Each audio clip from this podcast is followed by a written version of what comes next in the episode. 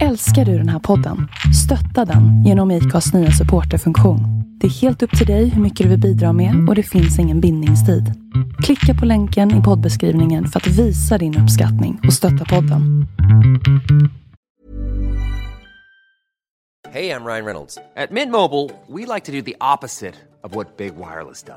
De laddar dig mycket we charge you a little. So naturally, when they announced they'd be raising their prices due to inflation, we decided to deflate our prices due to not hating you. That's right. We're cutting the price of Mint Unlimited from $30 a month to just $15 a month. Give it a try at mintmobile.com slash switch. $45 upfront for three months plus taxes and fees. Promo for new customers for limited time. Unlimited more than 40 gigabytes per month. Slows. Full terms at mintmobile.com.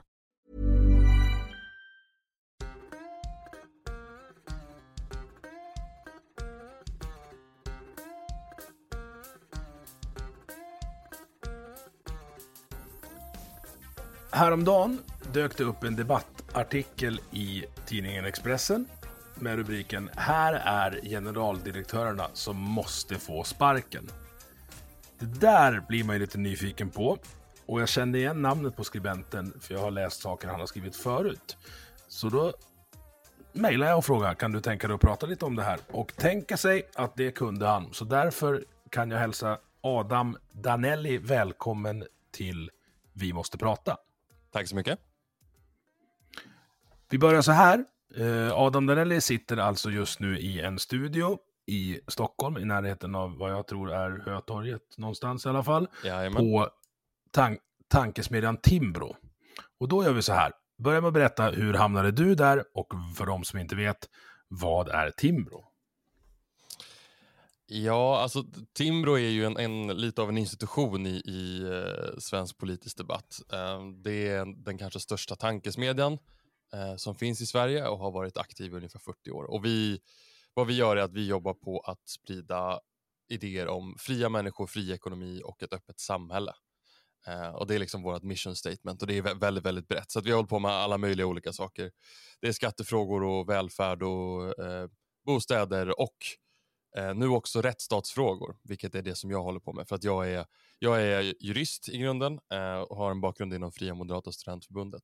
Och jag hamnade väl egentligen här eh, efter att ha gått en av Timbros utbildningar eh, för ganska många år sedan. Mm. Och sen så har jag varit liksom, jag har läst väldigt mycket av, av de böcker som Timbro har gett ut och sen till slut så fick jag möjlighet att, att göra några, några projekt och jag tror att det är ett av dem som vi ska prata om, eh, om idag. Absolut. Men har du alltid varit, ja, Fria Moderata Studentförbundet det antyder ju att du alltid har varit politiskt intresserad och då på den, den borgerliga sidan. Hur började det intresset? Och du får inte säga rökmaskin och festerna, för det säger alla som har varit moderata. Nej, jag, jag är faktiskt en, den, jag har gått en lite annan bana. Jag, när jag gick i gymnasiet så var jag, var jag, blev jag nära kompis med en person som var aktiv kristdemokrat och som jag som Mm. hade katolsk bakgrund tror jag. Eh, och så, så jag blev aktiv i, i KDU och det här var ganska många år sedan. Det här var när Reinfeldt var liksom, när det var peak Reinfeldt, Nya Moderaterna liksom, hade etablerat en, en hegemoni. Moderaterna var ett parti som bara ville prata om, om arbete och, eh, och egentligen var helt ointresserade av att prata om någonting mer substantiellt. Det var i alla fall så det kändes. Så att jag var engagerad i KDU och ville prata om liksom, brott och straff och rättsstat och internationella frågor och eh, lite större principiella saker, inte bara liksom, det, det rent nyttomaximerande som var eh, Nya Moderaternas kärna. Men sen så lämnade jag politiken ganska, ganska länge, även om det var väldigt roligt och har gjort massa andra saker. Eh, och sen har jag kommit tillbaka och när jag kom tillbaka för en kanske ja, kom tillbaka för fyra år sedan kanske, då, då hade liksom det politiska klimatet förändrats väldigt mycket och det kändes som att borgerligheten var, var mycket mer mottaglig för den typen av frågor som, som jag vill prata om. Det är inte det att så här, skatter och socialförsäkringar och sånt, det, det är skitviktigt och det är liksom någonting som alla partier måste ha. Det är liksom en grund. Man kan inte ha en politik utan att ha svar på de frågorna. Men det jag tycker är intressant det är ju frågorna som är lite mer, eh, lite mer abstrakta och principiella. Till exempel då rättsstatsfrågor, demokratifrågor och, och sådär. Så det, var, det var så jag hittade tillbaka. Och då var det via, inte via rökmaskiner, det vet jag inte, det känns som en sån 90-tals 90-talsgrej. Men, eh, Ja. nej, men vi, det var väldigt många personer som, som eh, var, blev engagerade samtidigt i, i FMSF. Där vi var väldigt intresserade av, av framförallt liberal politisk teori. Eh, så att vi nördade ner oss väldigt mycket i det. Och som du säger, att det, det abstrakta tänkandet om ideologi och frihet, det appliceras ju sen i, i form av hantverket, skatter och reformer. Är det så jag ska tolka dig? Ja, men precis. Det är så vi slår fast riktningen. Uh, och sen så ja. jobbar ju de som, mina kollegor här som jobbar med skatter och socialförsäkringar, de, där handlar det ju mer om att så här, okej, okay, men hur kan vi faktiskt få de här abstrakta idéerna att bli praktisk politik? Uh, mm. För riktningen är vi nog väldigt överens om, men när det kommer till hur man gör, det, det är svårare än vad man tror. Uh, även om, vi, även om man, man kan sitta i ett rum, väldigt många personer, och vara fullständigt överens om att okej, okay, vi måste få ner skattetrycket. Att göra det praktiskt är betydligt svårare än vad människor tror och det tror jag att det, är, det, det blir ännu svårare om man inte är överens och det är det som jag tror att många upplever på Moderaternas riksdagskansli just nu. Att försöka sitta och kompromissa om mm. vad, man, vad man faktiskt ska genomföra för reformer. Ja, vi ska säga det. Vi spelar in 3 oktober och vi är mitt eh, under den första av två Ulf Kristersson sonderingsveckor. Så det är, det är nog rätt intensivt eh, där inne nu. Ja, det, det kommer bli intressant. Just den ekonomiska politiken, där är man väl kanske som mest eh, oense också. Så det ska bli intressant att se vad, vad de får ut. Jag, jag hoppas ju på en överenskommelse av, av, vi får se hur omfattande den blir, men, men som är väldigt tydlig kring just rättsstatsfrågor. För jag tror att där finns det många frågetecken att rätta ut. Man har, mm. ja, det, det, finns tendenser i de här olika partierna som knappast är, är förenliga med liksom liberala rättsstatliga värden. Eh, och jag skulle vilja få det svart på vitt exakt vad man vill göra åt de problemen som jag tycker att Sverige faktiskt har. Vi kan stanna kvar lite där. Alltså, vilken typ av lösning skulle du vilja se? Nej, men jag har ju skrivit väldigt mycket om dels utnämningsmakten som, som är eh, det kanske viktigaste. då. Alltså, vi måste göra om sättet som staten eller regeringen igen, utser de högsta tjänstemännen. Sen tycker jag att det finns strukturella frågor som är lite mer långsiktiga. Vi behöver en förvaltningsreform, vilket ju är, det är ungefär lika jag vet inte, det, det är väl så osexigt som politik blir, men, men det, det, är något som behöver genomföras. Man behöver göra en, en eh, liksom upprensning i brottsbalken, alltså mer principiellt. Och, och, man behöver göra om ganska mycket inom domstolssystemet. Och det här är ju någonting som, det är föga ideologiskt, eller det, det är ju ideologiskt, men jag tror att man kan få med sig många på det om man väl orkar dra i det. För att det, det är nog ingen som inte har en väldigt ideologisk ryggrad som, som bryr sig om det här på längre sikt. Och då skulle det kunna vara till exempel att vi måste förstärka svenska domstolar. Eh, vi måste lägga ner de korporativa domstolarna som jag eh, fortfarande inte riktigt förstår varför vi har. Eh, Vilka är det då? Nej, men i, Sverige så har vi ju två, två domstolar, eller två domstolstyper som är korporativa, alltså där du har intresseföreträdare som är domare istället för professionella jurister. Och Det är ju Arbetsdomstolen och det är hyresnämnderna. I Arbetsdomstolen mm. så sitter ju, det är ju liksom en förlängning av den svenska modellen, så då sitter parterna och dömer trots att det är juridiska tvister. Och det här är någonting som, vi pratar väldigt mycket om Polen och Ungern och att det är väldigt så, det är så himla nära mellan politik och juridik där, att man har svårt med att hålla det här avståndet som, som en rättsstat behöver ha mellan den exekutiva och den, den eh, juridiska eh, liksom grenen. Men i Sverige så har vi ju, vi har ju helt tänkt bort den. Vi har ju designat systemet vad gäller arbetsrätt och även hyresrätt eh, så att man ska ha politik rätt in i domstolen, vilket ju är he helt bakvänt. Eh, det där, jag mm. tror inte att det här systemet uppfyller de grundläggande rättsstatsnormerna som finns i, i Europakonventionen och EU-rätten. Men eh, i Sverige så är vi ju, så här, man får ju inte kritisera den svenska modellen i Sverige. Det är ju, jag vet inte, det, det, finns ingenting som vi håller så heligt. Så när det är så uppenbart att vi inte uppfyller de här normerna, då väljer vi liksom att titta bort och säga att nej men det är ju den svenska modellen. Och den svenska modellen är ju bra, ergo mm. så, måste ju, så måste ju alla de här normerna vara uppfyllda och så är det tyvärr inte. Så att domstolssystem... Vi måste försvara den svenska modellen. Ja men precis, den ska, vad är det? Den ska ja. utvecklas, inte avvecklas. Mm. Uh, och det är ju... Ja, då får man välja. Antingen så vill vi ha rättsstatliga principer eller så vill vi ha den svenska modellen. I alla fall i det här fallet. Ja. Vi, du pratar om utnämningsmakten här och det är ju utnämningsmakten är alltså att regeringen bestämmer vem som ska vara generaldirektör, alltså högst ansvarig på respektive myndighet. Eh, jag googlade lite på det där nu på morgonen och mm. eh, det tillsätts tydligen utan insyn och protokoll måste inte sparas. Alltså den här processen, det, det är ju, det är ju det finns en, en, en uh, statsvetare som heter Olof Petersson som var tidigare professor och som har, han är väl någon slags nestor vad gäller svensk förvaltningsrätt. Uh, och han har beskrivit att hur regeringen styr sina myndigheter, det är ett stort mysterium. Eh, det, det, finns ingen som vet hur det faktiskt går till, det finns, ingenting, det finns ingen lagreglering, det finns ingen... Liksom, utan det, det, det är ett, eh, vad ska man säga, ett, ett slags vakuum eh, rent regleringsmässigt. Och en av de viktigaste sätten som man styr sin myndighet på, eller sina myndigheter på, det är ju genom att utse vem som är högsta chef. För att statsråden kan ju inte fatta beslut på själva myndigheterna, de, är ju, de jobbar ju självständigt. Men man kan, ju, man kan ju utse en person som högsta chef, alltså som högsta beslutsfattare på myndigheten, som i väldigt hög grad då speglar ens eh, ja, men prioriteringar och världsbild kan man säga.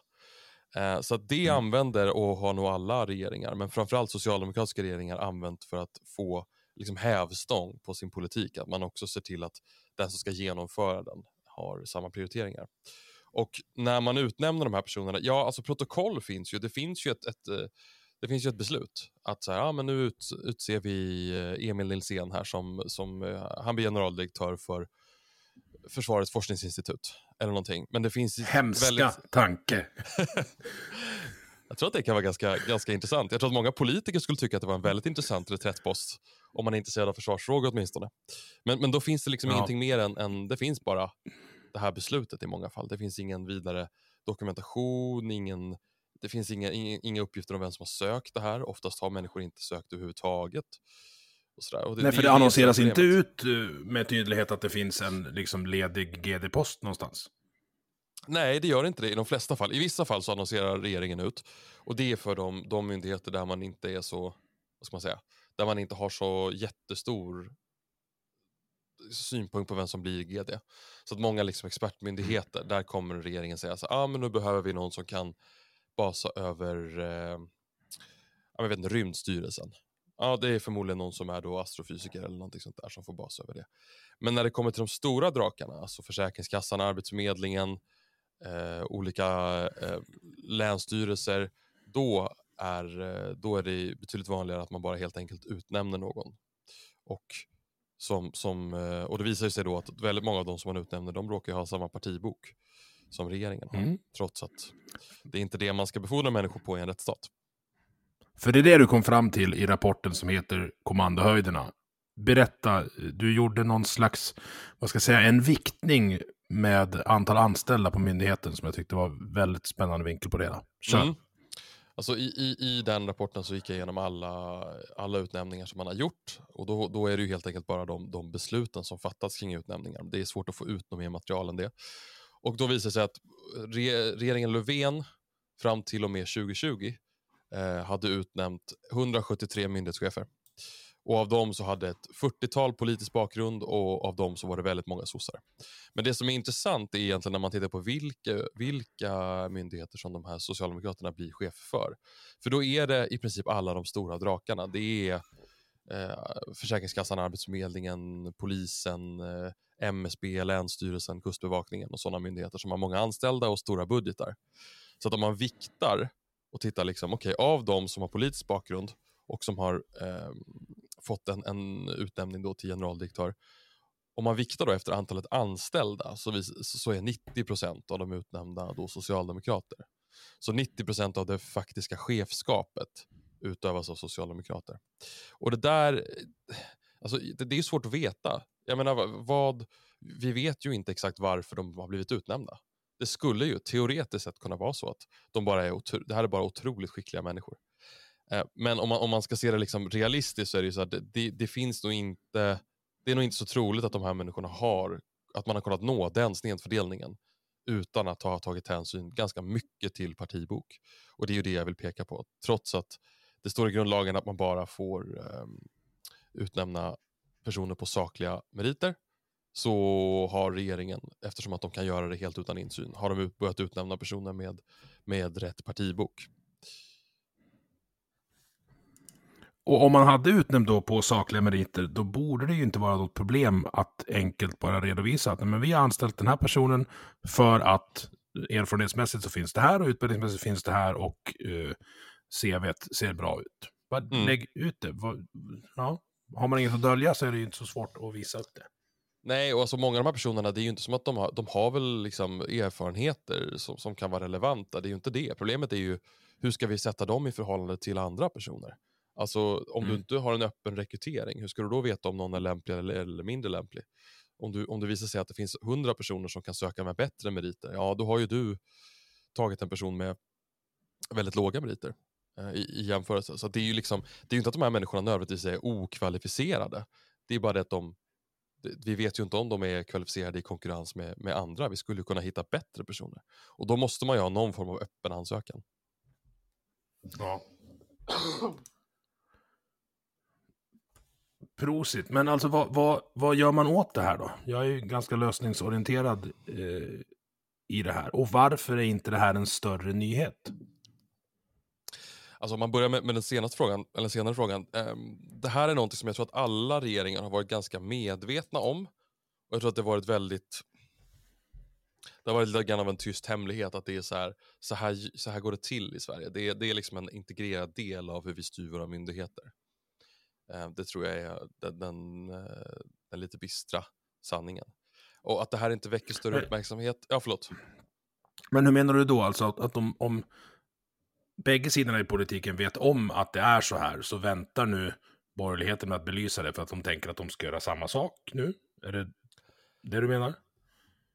Ja, och dessutom så här, det, det är ju inte världens hetaste fråga. Alltså, Göran, man försökte göra det här en, till en grej under, under Göran Persson också. Han var ju betydligt, nej inte betydligt värre, men han, men han var nog värre eh, i att de människor som, liksom, hela hans, alla hans kompisar hamnade på olika myndigheter på, på olika mysteriska sätt. Eller mystiska sätt. Ja, alltså det är väl inte en, en valvinnare. Alltså svenska myndigheter, så länge, så länge de funkar hyfsat bra så tror jag inte att det här, den här hemligheten eller den här, den här traditionen, oskrivna regeln som vi har, att den är så problematisk. Problemet är ju nu att vi börjar få en större kritik mot myndigheterna och hur de arbetar. Eh, och Ganska rättmätig. Eh, ja, absolut. Ja, så, som liberal så, är det ju, så tycker jag att det är, det är hemskt hur naiva vi är eh, i Sverige kring, eh, kring hur myndigheter arbetar. Alltså det är, eh, ja, det- är lite grann som att vi, vi tänker oss att myndigheter att de är någon slags mjuk styrande kraft. Och så är det ju inte, utan de är ju, de är ju längst fram. De är ju, vad ska man säga, de är ju svärdet på något sätt i den politiska makten. Det är ju de Mm. som faktiskt tvingar människor att, att underkasta sig i, i sista hand med, med våld och tvång. Så att, eh, ja, det, det borde vara en betydligt större fråga, men jag kan samtidigt förstå att om myndigheterna inte fungerar bra och inget politiskt parti känner att de har en jättestark vilja att göra om det här systemet på rent teoretiska grunder. För att den som gör om det måste ju också komma på hur man ska göra istället. Och det kan ju vara, det är ju lite av en chansning. Alltså säga att man skulle strama upp det här systemet, då skulle man ta bort en viktig del av myndighetsstyrningen. Och då är frågan, klarar man av att styra myndigheterna? Hur, hur ska man göra då? Finns det andra vägar?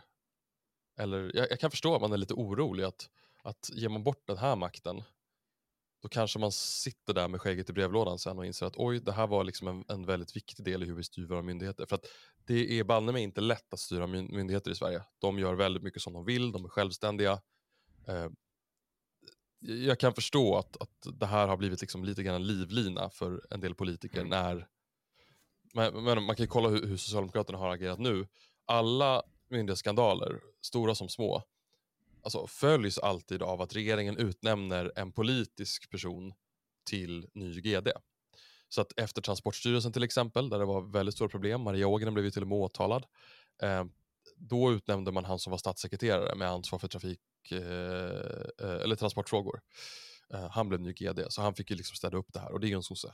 Samma sak gäller på tullen, samma sak har gällt på kustbevakningen när det har blivit strul där och man har varit tvungen att sparka folk och sådär. Då, då skickar man alltid in, oftast en statssekreterare, över då till myndighetssidan från regeringens sida eh, för att styra upp det här. Och jag fattar på ett sätt varför man gör så. Det, det, är liksom, det är inte svårt att förstå den politiska logiken. Men det är ju också ett lite, det är lite bananmässigt, alltså det, det är lite ulandskänsla på, på hur man löser problem i en, en liksom, utvecklad byråkratisk rättsstat. Och anledningen att man fortsätter att göra det är ju för att man kommer undan med det för att det inte pratas så mycket om det. Ja, det, det, är en, det är en viktig del. Nu har vi försökt göra lite, jag menar jag har ju haft det här som, som nördintresse under alldeles för lång tid. Just hur, hur, eh, hur utnämningarna sker och hur man gör i andra länder och sådär. eh, och tyckte att det här är en jätteviktig symbolisk fråga. Den säger så mycket om hur man ser på politik och hur man, hur man ser på det här. Jag, jag ser till exempel att många socialdemokrater som försvarar det här systemet, de är ju lite mer sådär, ja, ja, ja, kom inte att vara sådär principfast och teoretisk nu. Du måste ju se hur det funkar i praktiken. Det är klart att man vill ha människor som förstår den politiska logiken, som har varit med länge, som är liksom inkörda i olika, eh, som fattar hur... Ja, men det argumentet kan jag väl köpa, men det måste ju finnas sådana i andra partier också. Ja, men det är ju Socialdemokraterna som har varit maktpartiet. Så jag, jag, jag är inte förvånad att de tänker att uh, det här är ett, ett det, det, bara råkar bli så här för att vi har väldigt många människor som är erfarna och har jobbat länge med politik och är vana vid, vid liksom, uh, statlig maktutövning. Jag tror att de, de, de ser inte den här bjälken. Socialdemokraterna förstår inte problemet med det här. Uh, men det är ju liksom en... Jag tror att jag tror att det är inbyggt i den socialdemokratiska självbilden att det är de som kan styra det här landet. Alla andra är ett hot mot demokratin, den svenska modellen och, mm. och befolkningen på något sätt. Och tror man på det, då är man ju också villig. Nej, men tror man på det, då är man också villig att gå ta mig fan hur långt som helst för att försvara det här. Ja, alltså, jag skulle säga att man ser sig nog snarare som normen. Man, man är liksom utgångspunkten. Sen så, så här, det är klart att man, man, eh, man, kan låna ut makten då och då, men det, det, har ju aldrig varit, kommit på fråga att, man, att någon faktiskt skulle ändra den, den, den utgångspunkten. Alltså att ett borgerligt maktinnehav skulle kunna liksom vända samhällets grund, ändra på någon av, av grundstenarna. Utan tanken är ju att när borgerligheten tar över, då får de ju rodda en socialdemokratisk stat i fyra år och sen så kommer liksom pappa sossarna tillbaka. Det är nog snarare så man mm. tänker. Att det liksom andra har staten till låns. Kan det vara så att det blir inte lätt för de borgerliga att styra de här myndigheterna om det nu, jag utgår från att det du säger stämmer, om det liksom finns en väldigt stor övervikt av folk med annan partibok och annan syn på hur myndigheter ska agera som sitter där. Jo, absolut. Och om man kollar på hur alliansregeringen gjorde så, visst, man, man, i vissa avseenden var man ju ganska lyckad. Um, men man hade ju också svårt. Man, man var nog ganska, inte naiv är fel ord, men man var nog ganska hoppfull om man skulle kunna uträtta på kort tid genom att få hjälp av sina myndigheter. Framförallt när det kommer till så här, de stora principiella eh, frågorna i kulturpolitiken, public service, eh, un, universiteten. Där hade man nog en helt annan bild av vad man, hur, hur lätt man skulle kunna initiera olika typer av förändringar. Eh, jag menar, sossarna, är ju väldigt, de, de, sossarna ändrar ju väldigt sällan lagstiftning. Alltså, det, det är ju inte så, här, det är inte så som, som Socialdemokraterna verkar. De jobbar ju inte med lagstiftning på det sättet, utan de jobbar ju mycket, mer mycket mer med informella kanaler. Och Jag vet inte om det är skicklighet eller om det är att man har en annan syn. bara. Jag vet inte, men det har liksom blivit så att när, när sossarna ska försöka få ner sjukskrivningstalen, då ändrar man inte om i lagstiftningen som, som, eller som alliansregeringen gjorde 2006. Utan då ändrar man i regleringsbrev och styrdokument och eh, myndighetsutövningen istället. Och det är det vi ser också. Det finns en graf som, jag, vet, jag tror att det är Moderaterna som, som brukar eh, vifta med den, som handlar om så antalet utförsäkrade. Att det helt plötsligt från ett år till ett annat under den socialdemokratiska regeringen liksom slår nya rekordnivåer. Och det är ju inte för att socialförsäkringsbalken har blivit ändrad. Det finns inte inga nya krav, utan det är liksom att nej men nu, nu har man från regeringshåll på ett väldigt snyggt och informellt sätt skickat signalen till Försäkringskassan att vi vill ge er ett uppdrag att minska de här talen. Eh, ni bör nog titta lite närmare på eh, långtidssjukskrivna. Eh, det är viktigt att, eh, att man, man har korrekta bedömningar och inte betalar ut pengar i onödan. Och så helt plötsligt så har man en 3, 4, 5 dubblad antal uh, utförsäkrade. Och det där är, det, det är någonting som, det står inte om det i statskunskapsböcker. Det, det, liksom, det, finns ingen som kan mm. berätta det här, utan det här är någonting som bara sitter i väggarna. Det är ju liksom en mörk bild du, du målar upp. Det känns som att det är, det är, så många gentlemen's agreement som du säger, eller som jag kallar det, och du säger att det är liksom tysta överenskommelser och tyst diplomati. Det, det, känns som att systemet är som en gammal Windows 95-dator som skulle behöva startas om. Om man skulle starta om ja. det här från början, alltså vad, vad om, så här, Adam, du får, säg, tre mandatperioder, för en är ju bevisligen för kort för att ändra någonting. Ja. Så här, vad gör vi? Hur ritar vi om systemet? Hur, hur, gör vi, hur gör vi det här lätt, mer lättarbetat och tydligt. För, för även om, om man googlar på Timbro och dig och de andra som sitter här inne och kollar på liksom vänsterkantens, då är ju ni är ju onda och vill att folk ska svälta ihjäl. Men jag tror ju inte det, utan jag tror att de flesta som engagerar sig politiskt, eller med fan alla som engagerar sig politiskt, vill att så många människor ska ha det så bra som möjligt. Ja. Den, det kan jag sträcka mig till att, att alla vill.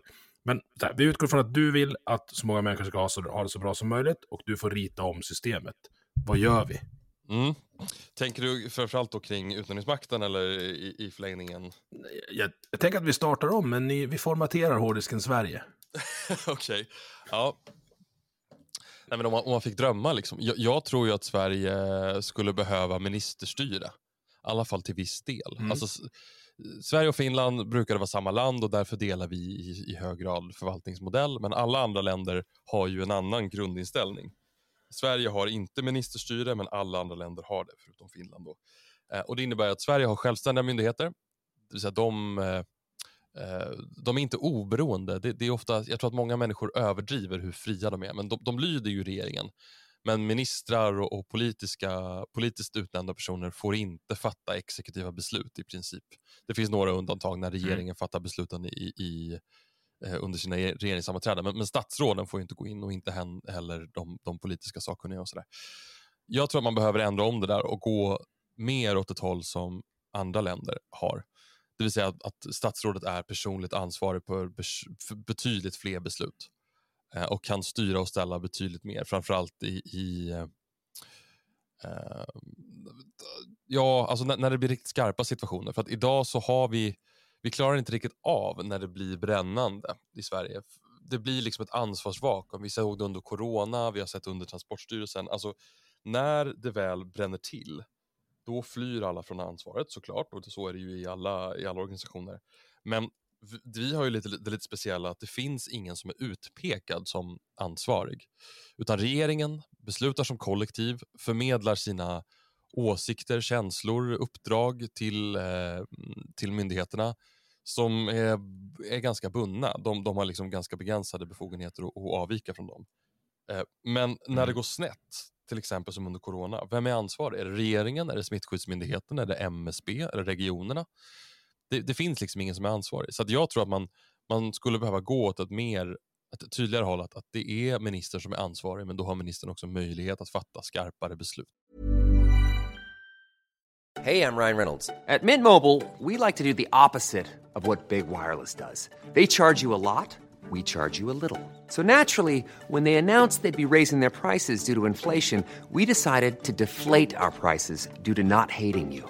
That's right. We're cutting the price of Mint Unlimited from $30 a month to just $15 a month. Give it a try at mintmobile.com slash switch. $45 upfront for three months plus taxes and fees. Promo for new customers for limited time. Unlimited more than 40 gigabytes per month. Slows. Full terms at mintmobile.com. Many of us have those stubborn pounds that seem impossible to lose, no matter how good we eat or how hard we work out. My solution is PlushCare. PlushCare is a leading telehealth provider with doctors who are there for you day and night to partner with you in your weight loss journey. They can prescribe FDA-approved weight loss medications like Wagovi and Zepbound for those who qualify. Plus, they accept most insurance plans. To get started, visit plushcare.com slash weight loss. That's plushcare.com slash weight loss. Um, Vad är motståndarsidans bästa argument mot det då?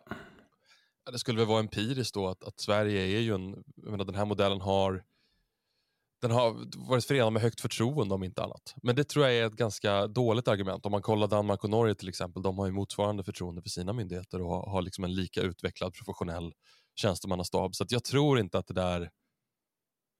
Vi, vi förlorar nog på att ha kvar den här modellen som, som är väldigt, väldigt gammal och som den har ju också lite grann som, det här, som svenska modellen som vi pratade om tidigare. Den har också blivit lite grann av en klenod, att man, liksom, man börjar, börjar odla sin egen art och säga att okej, okay, alla andra springer åt ena hållet, vi springer åt andra. Då är det vi som måste ha rätt. Och jag, ja, jag är inte helt säker på att, eh, på att det är så. Eh, men, men i, i, vissa fall i alla fall. Jag tycker till exempel att land, alltså landshövdingarna borde bli statsråd. Eh, de borde bli mm. ansvariga inför riksdagen. För att de har så pass diskretionära befogenheter att representera staten. Så att de borde vara ansvariga och få, och få liksom en mer fristående roll. Och sen så borde man ta bort väldigt mycket av myndigheternas rent juridiska... Alltså i, I Sverige har vi den lite udda modellen att många myndigheter är också överklagande instanser. Alltså ofta så skiljer man ju Till på, sina liksom- egna beslut. Nej, nej, nej. Till, till, ja, dels till sina egna beslut. Det är ju alla myndigheter i någon mån. Eh, men men eh, till andra myndigheter. Så att det är inte bara så att man har inspektion, alltså inspektioner för vård och omsorg, in- inspektioner för socialförsäkringar och sådär. Utan länsstyrelserna till exempel är ju överklagande instans vad gäller miljötillstånd från kommuner.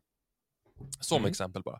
Och Det där är en lite udda variant. för att Hur ska en, liksom, en myndighet överpröva en annan myndighet? Det måste ju vara en domstol som gör. Vi vill ju ha en fristående överprövning. Det är det som är hela poängen med överprövningsinstitutet. Så att länsstyrelserna borde, och, och alla andra myndigheter som har det, den typen av uppgifter, man borde renodla det och säga att ni är en myndighet, ni ska inte sitta och pröva andra myndigheters beslut. Utan det ska domstolar göra som är fristående och som kan, kan ha en betydligt, som är konsekvensneutrala på ett helt annat sätt. Det köper jag rakt av. Vi bråkar ju jättemycket om strandskydd här ute i skogen där jag, där jag bor. Och vi får ofta, eller många, många får ja från kommun och sen tar det stopp i Länsstyrelsen. Och hur ska någon som sitter längre bort ifrån oss kunna veta vad som är lämpligt här? Det blir absurt. Ja, det där med strandskyddet är ju dessutom, för där kan man gå vidare va? Så då, är det, då kan du få en, ett besked från kommunen, ett från Länsstyrelsen och sen så får du gå till förvaltningsrätten. Ja, så är det två mark och miljödomstolar efter det sen också. Ja, ja, det är ju... Det är liksom ett system där alla ska få sitt på något sätt. Ja. Man har inte tänkt att det ska finnas en, en, en slutpunkt utan det ska alltid finnas en... Det finns alltid en, en ytterligare eh, synpunkt eller en, en ytterligare instans. Nej, men det, det är... Och då blir det, det blir en klassfråga också, så att det är inte alla som har råd att hålla på och överklaga i, på, i instans till instans till instans. Nej. Eh, Det borde, det borde ligga i eh, Socialdemokraternas förmenta intresse av eh, att hjälpa dem längst ner på inkomstskalan att lösa det här. Men det kanske är Mm. mer intressant att ha någonstans att anställa sina kompisar, om jag får vara raljant en stund. Ja, eller behålla kontrollen över, eh, över eh, mark som egentligen inte är, det är inte statens eller kommunens. Det är ju privat mark. Nej. Men, eh, men, men samhället har hittat ett väldigt bra sätt att i princip göra det ändå. Det här är ju en slags expropriation. Alltså, att inte kunna, kunna göra någonting med mark, jag menar, vad är den då värd? Det finns ingen... Ja. Strandskyddsfrågan är en, en, den är egentligen en helt annan fråga, men, men det blir ju ett problem som är knutet till det här i och med att länsstyrelserna är, är inblandade. Eh, Men hur som helst, man borde ta bort de här överprövningsmöjligheterna. Eh, Man skulle väl kunna säga så att strandskydd ligger på Länsstyrelsen från första början och sen överklagas till domstol. Det kanske hade varit lättare. Jag tror kanske inte att alltså strandskyddets största problem är inte överklagandeprocesserna utan det är bara att det finns och att det är så jävla orimligt. Om jag får säga. Ja, Eh, Men, men det är, ja. Länsstyrelserna är en är ganska lågt hängande frukt. Jag tycker att landshövdingarna, alltså länshöv, länsstyrelsernas eh, högsta eh, beslutsfattare, i praktiken är de inte alltid det, utan det de har ju liksom en jättestor byråkrati under sig. Men, men de borde vara statsråd och, och ha liksom, Mm. där man uttryckligen säger att okej, regeringen är av färg X, du är också av färg X och du företräder regeringen och du har makten under eh, samma ansvar som, som eh, statsråden har. Eh, det, det hade varit ett ganska enkelt sätt att helt... För att nu säger man liksom att ja, men länsstyrelserna de är myndigheter och de, de ska ju då bara tillämpa de ska tillämpa den reglering som finns. Men samtidigt fattar de ju väldigt mycket principiella beslut. De har jättemycket att säga till om när det kommer till eh, naturskydd till exempel. De kan utropa, eller utropa, de kan peka ut naturreservat, de kan, ändra, så här, de kan bevilja olika typer av tillstånd i Natura 2000-områden. Sånt där som inte riktigt går att säga, det är liksom inte byråkratiskt utan det måste till ett politiskt omdöme. Och det måste finnas någon att utkräva ansvaret ifrån. Ehm, ja, så det, det, det där är... Det kommer vara en jobbig jag, process. jag, vill stanna kvar, jag vill stanna kvar lite där ändå. Vi, vi, du säger att de ska utses av regeringen. Jag skulle nog vilja ha dem att de utses kanske av, av oss som, som bor i länet, alltså lite mer av en guvernörroll. Ja, alltså det beror ju lite på. Länsstyrelsen är ju, de är ju statliga myndigheter. Och de tillämpar ja, ju... nu, nu ja, men om, om vi har startat om allting. Ja, du tänker liksom att man ska ha ett regionalt styre? Ja, tack. Ja, det är ju egentligen det, alltså det, det är ju regionerna som är de. Men, och, och jag menar, en del av, av, när man gick från landsting till regioner så var faktiskt en del av, av förändringen ytterst marginell. Men, men en del av förändringen var att uh, man flyttar över uppgifter från Länsstyrelsen till regionerna. Så det, det, kanske finns någon där. Jag tror inte nödvändigtvis att fler folkvalda instanser är bra om de inte jobbar bra tillsammans. Men att säga till exempel, har, om du har en kommun som vill göra X och så har du en länsstyrelse som kanske styrs av oppositionen, de vill göra Y och så har du regeringen, jag menar, det här är ju en statlig myndighet som vill göra Z och så har du en lagstiftning på det. Det kan bli väldigt många, man har redan ganska många kockar inblandade. Um, mm. Och jag menar, you know, egentligen så är ju bara länsstyrelserna tillsynsmyndighet, alltså det är ju det de, det de ägnar sig åt. Frågan är ju då om tillsyn också ska betyda att man är en slags rättslig överklagande instans. Det, det tror inte jag, utan det, får man, eh, det borde ligga på domstolarna. Ja, det blir, det blir väldigt, eh, eller väldigt, det blir lite krångligt och så när vi, när vi startar om hela Sverige. Och jag, jag förstår att det inte var vad du, vad du hade förberett dig på, men det var väldigt intressant att höra, höra det här. Å, åter till myndigheterna, du pratade mm. om, du, du nämnde Försäkringskassan, Arbetsförmedlingen och polisen där, och då finns ju en gemensam nämnare. Eh, om, om det finns det? Ja, men de är ju, Nej, de ja, det är, finns ju en. Ja, det är, de är ju stora myndigheter och de är ju väldigt viktiga välfärdsmyndigheter, om inte annat. Och de har haft en punkare som GD. du tänker på Dan Eliasson? Jag tänker lite för ofta på Dan Eliasson, om jag ska vara helt ärlig. Ja, han är, han är ju faktiskt borta nu va? Nej, han är generaldirektör för regeringskansliet nu. Eh, någon slags jo. elefantkyrkogård. Precis. Eh. Så att han är inte direkt inblandad någonstans. Han, han utreder någonting. Vad är det med det här att man inte kan sparka folk som är dåliga? Mm. Ja, man kan, väl, man kan väl säga så här att, att Elefantkyrkogården som den ju kallas, det är ju där, där man hamnar om man blir omplacerad från en chefstjänst på en myndighet, eller man kan, det kan vara vad som helst, eh, till eh, en icke-myndighet kan man säga. Alltså du, du, mm. du, får helt enkelt samma post fast du är inte chef över någon myndighet. Och det du behöver inte jobba. Att, nej, men du, du, får, du, har ju ett, du är ju utnämnd till generaldirektör eller motsvarande på, på ett, oftast en fast tid. Och tanken har ju varit att man ska vara man ska kunna ha lite att sätta emot när, när regeringen kommer att be om saker. I praktiken är det kanske inte sådär jätte det spelar kanske inte så jättestor roll, men eh, man ska kunna sätta emot. Man ska inte vara rädd att kunna förlora sitt jobb hur som helst. Och Då finns det begränsningar mm. för hur man kan, vid, vid vilka situationer man kan sparka en GD. Eh, och då är det, liksom, det, men det är nästan som att man har ett slags anställningsskydd. Däremot så kan man omplacera i princip helt fritt, vilket gör att istället för att sparka en generaldirektör så omplacerar du den eh, personen. Och Då blir det ofta så att om du inte kan omplacera den till annan myndighet, då får du omplacera det till samma post fast utan myndighet och då blir det ju i regeringskansliet och då får man oftast hålla på med utredningar. Eh, mm. Så det finns en, en, logik bakom det där varför folk hamnar på Elefantkyrkogården och det är helt enkelt för att de är omplacerade men har ändå ett visst anställningsskydd. Eh, så att de går inte att sparka. Och man kan ju diskutera det där anställningsskyddet. Hur bra funkar det egentligen? Man kanske skulle vidare, ha större diskretion, jag vet emot. inte det här med att sätta emot, jag kanske, jag vänder mig nog lite emot den, den nomenklaturen, för, för då ska alltså Dan Eliasson titta på en sosseregering och säga att jaha ja, om ni ska bli av med mig, då måste ni av med mer av andras pengar. Och då säger de att ja, det har vi inga som helst problem med. Nej, det är snarare så att om, om de, man kommer och säger, det var det som Maria Ågren hade, det är lite oklart vad som hände där egentligen, men på Transportstyrelsen där regeringskansliet hade varit väldigt uh, insisterat på att du kanske kan göra ett undantag i det här fallet och det var någon dataupphandling tror jag. Uh, och hon hade gjort det och då agerat i strid mot lagen.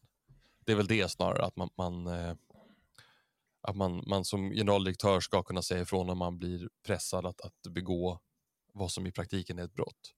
Det är ju det som mm. är tanken. Eh, och då får ju regeringen då omplacera, men, men då, man kan i alla fall inte få sin vilja igenom på det sättet jag vet inte, det, det här är, liksom, det, det, är liksom lager på lager på lager av olika idéer som har staplats på varandra.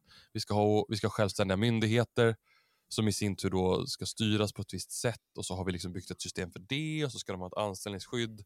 Men sen måste man också ha en omplaceringsmöjlighet för att annars skulle det inte gå att styra Sverige.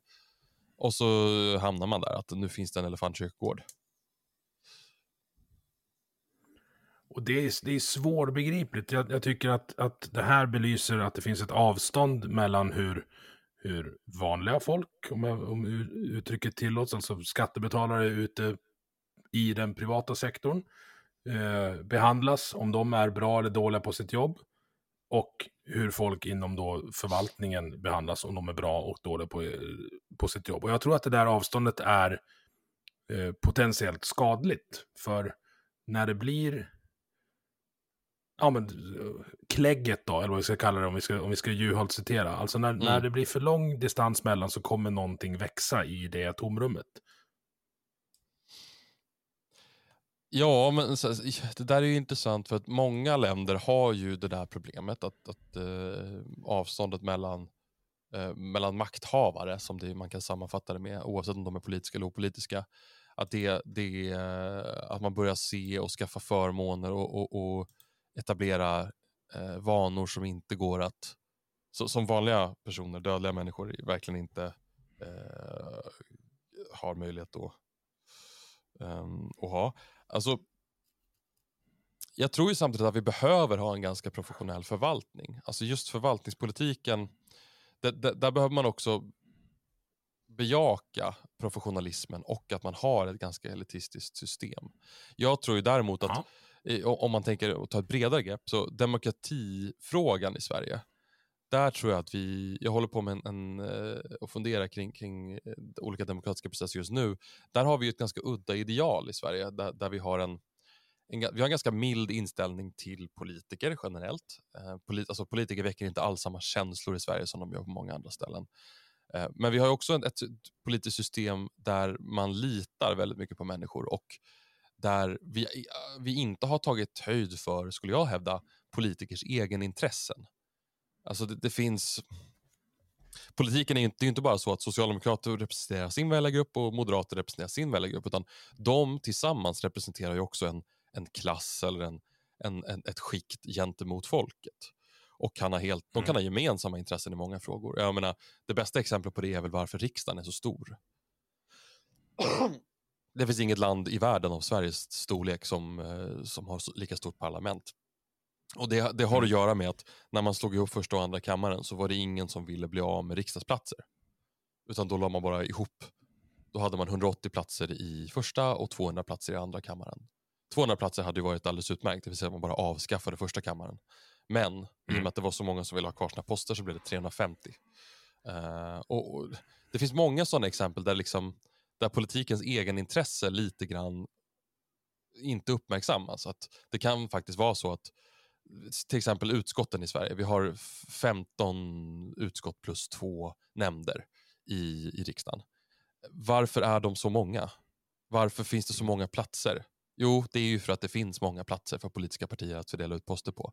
Varför har vi så många myndigheter? Varför är det så viktigt med landshövdingar? till exempel? Varför funkar länsstyrelserna på det sätt de gör? Jo, för att det ger möjlighet för politiker att liksom lösa sina egna problem. Och utnämningsmakten är ju ett sådant exempel på att där har ju polit politiken ett, ett generellt, oavsett vem sitter vid makten, så har det politiska partiet ett problem att man måste bli av med vissa människor. Karin Jämtin är ju ett bra exempel. Hon slutade som partisekreterare för Socialdemokraterna, ett, ett otroligt tufft jobb. Hon skulle säkert kunna bli jag vet inte, vad som helst efter det. Men partiet har ett behov av att hon måste bort från partiet för att man vill inte ha kvar massa gamla rävar. Hon kan inte få vilket jobb som helst. Hon vill hel man ska helst inte ha ut den här personen på den privata marknaden så att personen kan få för sig massa saker. Utan du vill, liksom, du vill kunna binda upp den här personen på en fin post långt bort. Och då är generaldirektör mm. ett exempel. Man kan också göra människor till ambassadörer, kanske nominera personer till ett internationellt uppdrag. Alltså, det här är ju sånt som politikers egenintresse är ju det, det är, det är liksom en grundbult i det konstitutionella tänket. Att vi måste dela makten och, och den, den, den, ska inte kunna skada oss och, och, och sådär. Men den måste också skyddas från sina förare på något sätt. Du kan inte få en, en state capture eh, problematik där ett partis interna behov blir någonting som, som man använder statsapparaten till. Och jag tror att vi, har, vi underskattar det i Sverige.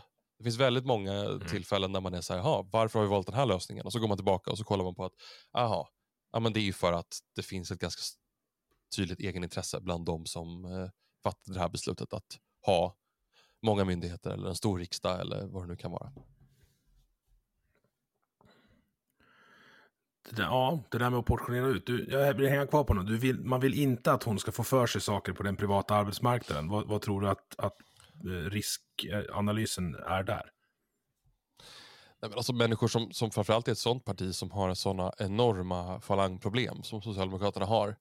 Alltså där, där vill du nog inte som partiledare efter henne vill du kanske nog, du vill nog inte ha henne på, på platser där den typen av information som man får som partisekreterare kan användas. Och det är klart, det går inte att skydda sig emot och, och, och hon är ju inte hon är inte farlig på det sättet, men jag tror absolut att det har gått genom uh, huvudet på, på de som sen såg till att hon fick platsen som, som GD på, på biståndsmyndighetens sida. Att det vore bra om hon inte hamnade för långt bort. Ja, det där Juholt är ju ett bra exempel lite... också. Ja, vi skickar han till Island.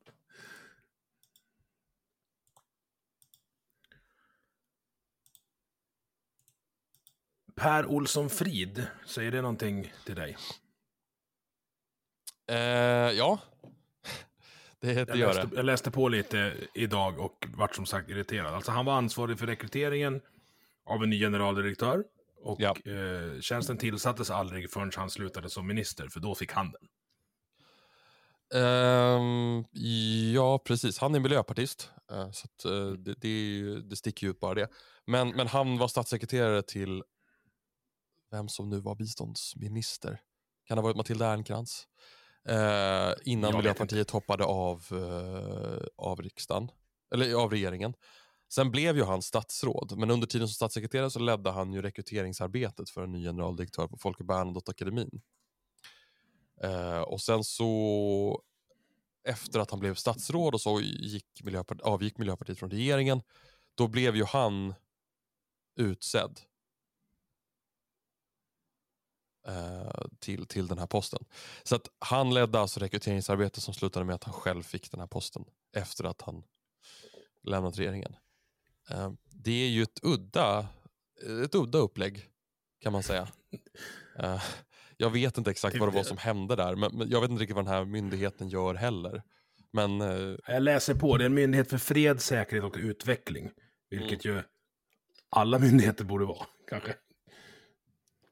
Men jag tror att de håller på med eh, eh, alltså biståndsutveckling typ. Nej, jag vet inte. För det, för det är också en sak som du nämnde. Det finns väldigt många myndigheter och väldigt många som håller på med typ samma saker. Vi har två som håller på med slöjd till exempel. Det brukar jag ta upp att jag tycker att det är lite orimligt. Ja, alltså det beror lite grann på hur man räknar. Jag tror att om man räknar med alla utlandsmyndigheter så har vi väl en 450 kanske. Eh, och Ja, det ska man ändå komma Plus ihåg. att universiteten. Nej, de är inräknade där tror jag. Ja, de är ju okej, myndigheter de allra flesta. Men, men då ska man ändå komma ihåg att det här har minskat. På 90 90-talet så var de nästan 600. Eh, och sen ska man så här, jag fattar det här med att, att antalet myndigheter är, vi, vi, vi ser det ofta som ganska synonymt med liksom en stor offentlig sektor. Så behöver det ju kanske inte heller vara. Alltså, det är inte nödvändigtvis en bra grej att lägga ner en massa myndigheter. För att även om vi gick från 600 till 450 eller något sånt där i, i 2000-talets början så blev ju inte den offentliga sektorn mindre. Alltså man, man, man liksom fick ju färre, färre etiketter men antalet uppgifter bestod ju. Så att jag tror att ska man, ska man faktiskt Visst, om man säger att man lyckas avveckla tio myndigheter nu, när, när det kommer man säkert att, att, att göra under den nya regeringen. Det, det, det är klart att det är bra symboliskt, men kommer man faktiskt att göra sig av med deras uppdrag? Eller ger man det bara till någon annan? För då vet jag inte fan om man egentligen har kommit så långt. Nej. Det blir ju en GD mindre då möjligtvis. Men Jo. hur ser du på att använda myndigheter som arbetsmarknadspolitiska redskap? Det vill säga att man, man tänker att men nu, nu måste Norrland eller Dalarna eller något annat perifert län Mm. få lite mer jobb och så flyttar man dit en myndighet. Det känns jävligt ineffektivt. Ja, det finns jättestora problem med det där och det här är också ett, ett, ett eh, där jag skulle säga att det konstitutionella perspektivet kommer in. För att um, Det här är, också- handlar ju också om att skydda staten från att bli fångad i egenintressen snarare än allmänintressen. Det är klart att det kan finnas i Socialdemokraternas, i Socialdemokraternas egenintressen finns det alltid att flytta ut olika myndigheter och, och liksom starta offentliga verksamheter på platser där de behöver stöd. Det är ingen slump att Mälardalens högskola blev ett universitet trots att de absolut inte kvalar in för, alltså rent professionellt. Um, mm. Och det handlar om att, att man behövde helt enkelt, det, det är liksom en, en, Socialdemokraterna kan ge belöningar och uh, incitament till människor som bor på vissa orter. Och där har man ju verkligen ett sånt problem där, där konstitutionen egentligen ska vara det första, det första hindret. Alltså Socialdemokraternas egenintresse ska inte bli statens intresse. Då har man liksom misslyckats med staten som garant för allmänintresset. Men när det kommer till, till uh, alltså utlokalisering, det var ju liksom en ideologi i början av 2000-talet. Göran Persson gjorde det jättemycket, framförallt när man lade ner en massa regementen och sådär. Uh, jag vet inte exakt var, vad man ska prioritera när man har när man lägger olika myndigheter. Alltså spontant så, så, så känns det som att det borde finnas lagreglering kring sånt här. Uh, att mm. man ska kunna motivera uh, den typen av beslut. Att, att det måste finnas effektivitetsaspekter i grunden. Sen så tror jag i och för sig att alla partier erkänner att det finns en sysselsättningsaspekt av det också. Uh, så jag tror att alla, alla är nog med på, båt, eller med på tåget där att man använder utnämning, eller inte utnämningar utan utlokaliseringen av myndigheter på, på ett sånt sätt. Men det är ju klart att det, det drabbar ju befolkningen i längden. Det är liksom ett kortsiktigt drag som, som i längden riskerar att få väldigt problematiska konsekvenser. Ett typexempel var när man utlokaliserade, jag tror att det var Strålsäkerhetsmyndigheten till typ Östersund eller något sånt där. Vilket innebar mm. att alla som är experter lämnade myndigheten. Och jag menar, det här är ju inte människor som har en filkand utan det är ju människor som har doktorshatt och som absolut inte är så mm. intresserade av att arbeta eh, längre bort än, än eh, där det finns kärnkraftverk åtminstone. Det, det är, ja, det, det, det är många, ibland så ses det som någon slags symbolhandling. Men då glömmer man ju bort att när du flyttar en myndighet så flyttar du inte en myndighet utan du flyttar liksom inventarierna och skylten. Det är inte alls säkert mm. att, att människor hänger med. Och det, det, det kan ju någon enstaka gång kan det väl vara bra men uh, oftast så är det ju alltså, ja, kan ju vara helt förödande. Med risk för att ge, ge stroke-syndrom symptom till mina reguljära lyssnare nu. Alltså, jag skulle inte ha någonting emot om varenda jävla myndighet fanns i Stockholm.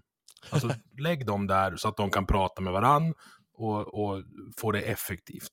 Jag vill, ha en så jag vill ha en så effektiv stat som möjligt. Och den ska stå i vakt när jag behöver den, men annars vill jag vara i fred. Det, ja, det men hur ska du göra, hur ska du göra då med, här. Jo, jo, men hur ska du göra då med, med den lokala servicen? Jo, men det måste inte vara myndighetsbaserad, den lokala servicen. Ja, men jag tänker typ alltså, nu, nu tänker de stora myndigheterna. Det är klart, klart vi ska... Ja, då, det, det, är ju två av de myndigheterna jag vill ha så lite som möjligt att göra med. Men de har väl en hemsida?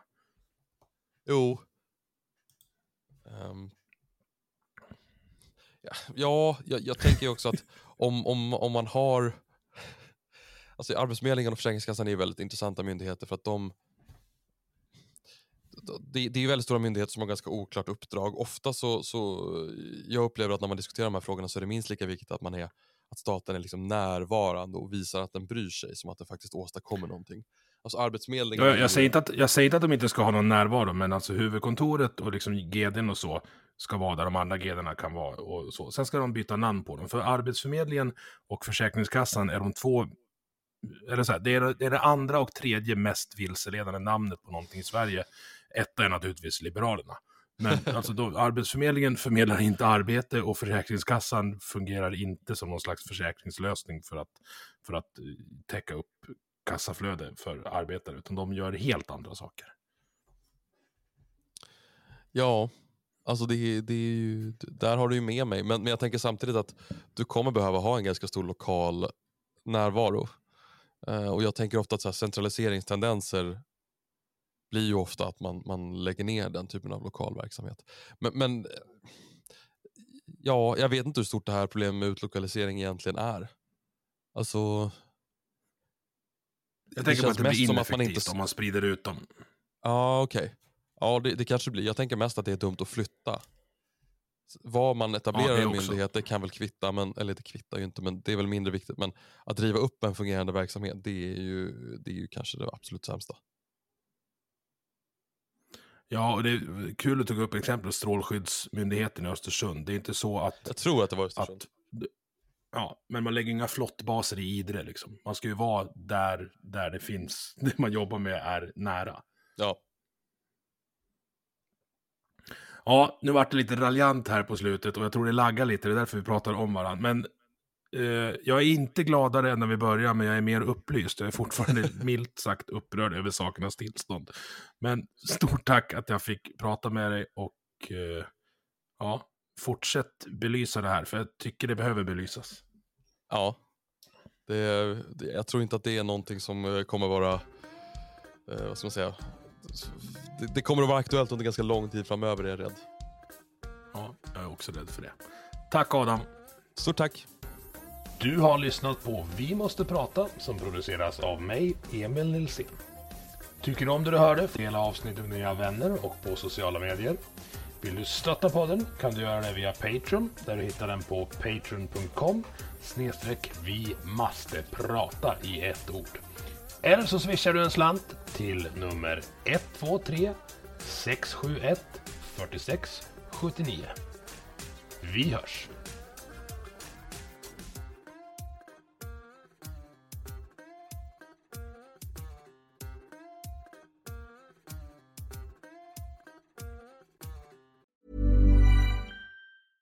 Imagine the softest sheets you've ever felt. Now imagine them getting even softer over time. That's what you'll feel with Bowl and Branch's organic cotton sheets. In a recent customer survey, 96% replied that Bowl and Branch sheets get softer with every wash. Start getting your best night's sleep in these sheets that get softer and softer for years to come. Try their sheets with a 30-night guarantee. Plus, get 15% off your first order at bowlandbranch.com. Code BUTTERY. Exclusions apply. See site for details.